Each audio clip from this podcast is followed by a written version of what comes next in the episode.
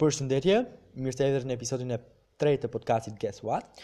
Sot do flasim për një temë shumë interesante, në fakt është më shumë si një term dhe pastaj shkon muhabeti si temë. Është një term që unë gjithmonë e kam dëgjuar nëpër um, nëpër emisione të ndryshme, apo edhe kam parë nëpër seriale, apo e kam lexuar nëpër libra, dhe kur kam filluar të lexoj rreth tij më është dukur shumë interesant, dhe prandaj vendosa që t'i kushtoj disa sekonda, disa sekonda, disa minuta në në podcastin tim. Ë uh, në fakt kam shkruar edhe një artikull shumë interesant që mund ta gjeni në fakt që mund ta gjeni në revistën Elysian.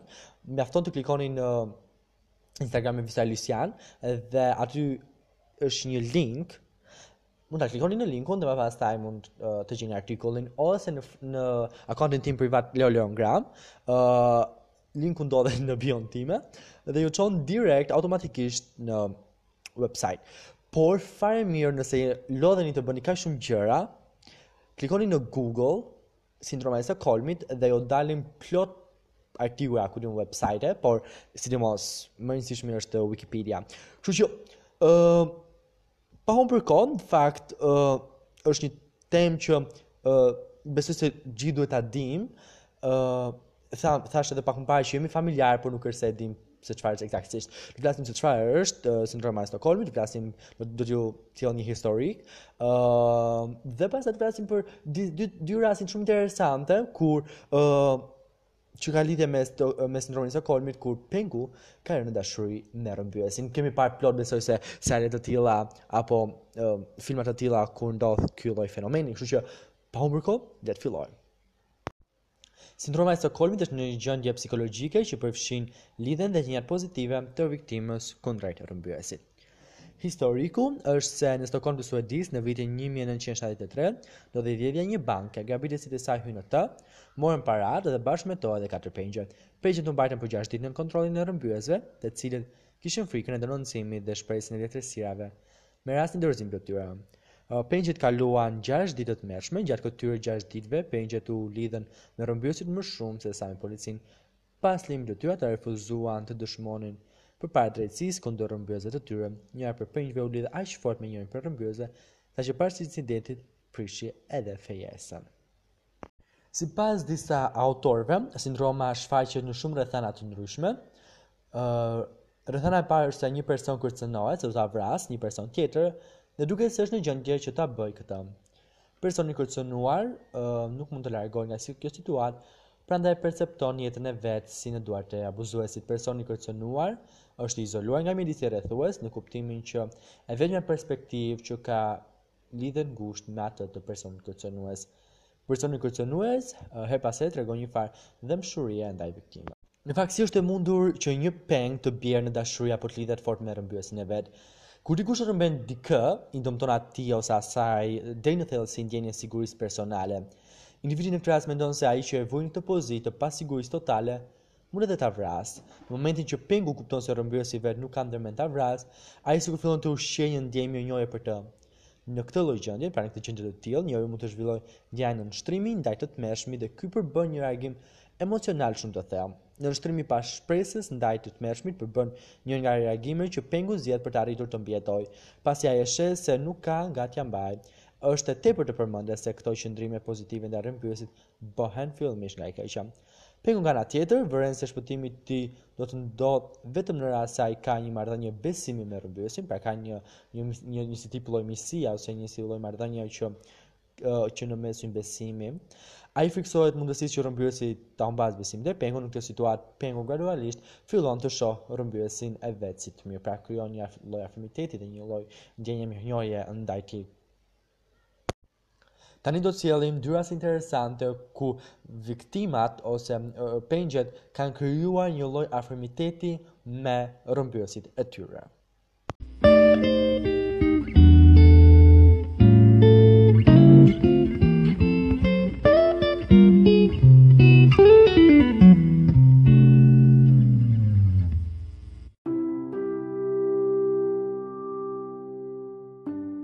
Në vitin 1988, një vajzë 10 vjeçare, Natasha Kampusch, u rrëmbye nga Wolfgang Ajo u mbajt peng për 8 vite derisa u arratis. Kur policët e pyetën për rrëmbyesin, Natasha foli rreth tij fjalë të mira dhe tha që pavarësisht faktit që e kishte mbajtur peng për 8 vite, ai e përkëdhelte më shumë se sa prindërit e saj. Ai i blinte libra, madje kishin udhëtuar së bashku një herë. Kur Natashës i treguan më vonë që rrëmbyesi i saj kishte kryer vetëvrasje, ajo filloi të qajë.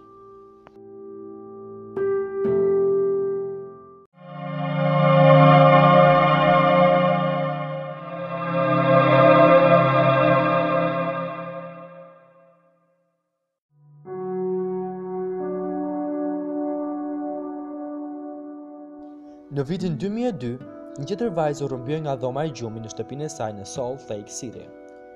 Emri i saj ishte Elizabeth Smart dhe ishte vetëm 14 vjeç asokohe. Ajo u mbajt peng për 9 muaj dhe ajo do të ishte arratisur më shpejt nëse nuk do të ishte për sindromën e Stockholmit. Ky ishte episodi i tretë i podcastit Guess What, uh, sindroma e Stockholmit, shpresoj t'ju ketë pëlqyer. Dhe ndërkaq mos harroni ta ndiqni edhe në faqen time, domethënë në akauntin tim personal në Instagram Leo Leongram.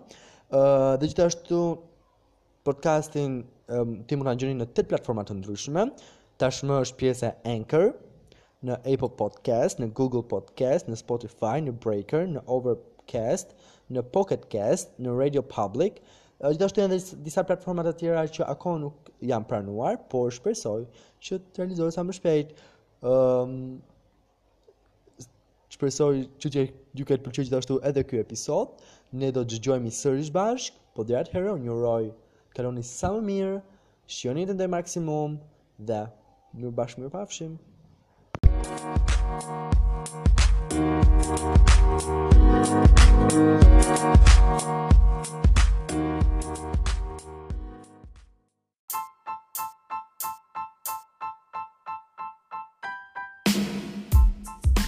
Hello everybody, this is Cleo and welcome in my podcast. Guess what? How you all have been in those sunny days. It has been, you know, so hot in Tirana and according to weather forecast today the temperature are 29 degrees Celsius. But we are all good, and today in this episode of Guess What, we have a star guest, and she is my sister. Hi. How are you? Great, you were right. This day in Tirana has been crazy. So hot. But we are going to survive. We got this. Yeah, we got it. So now, can you introduce yourself to our good listeners? Hi again. I am Jenny, 19 years old. I'm definitely his cool sister. And finally, you got to meet the person behind all his amazing picture on his Instagram. I study economic engineering, I love books, I am vegan girl but now free gluten vegan. Obsessed with Sean Mendes and something that makes me special is that I am left-handed. Yeah, that's me. Or you can call me paper girl. Nice, good job. And I have heard that left handed are smart. hmm Uh, I know, in Monica mood. yeah. So today we have a great topic to talk uh, about which is important and interesting in the meantime. Can I say lame and awesome? Yeah, go ahead. Lame and awesome.